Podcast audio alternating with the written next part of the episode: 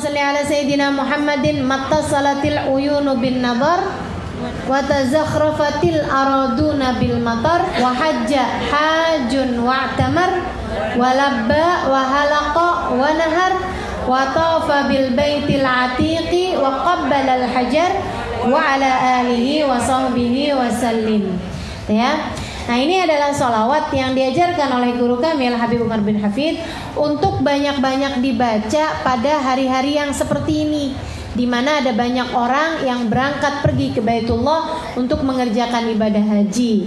Bagi siapa yang tidak mengerjakan ibadah haji tahun ini, banyak-banyakin solawat seperti ini. Mudah-mudahan dengan keberkahannya solawat ini Meskipun kita tidak sedang berada di sana, tapi kita terhitung selalu bersolawat sebanyak orang-orang yang sekarang sedang berada di sana.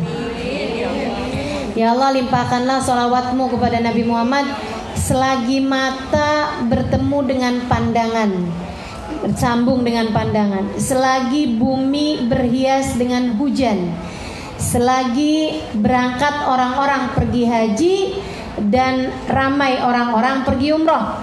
Walabba wahala nahar selagi ada orang baca talbiyah, selagi ada orang potong rambut untuk tahalul baik haji ataupun umrah, wanahar dan selagi ada orang yang potong kurban.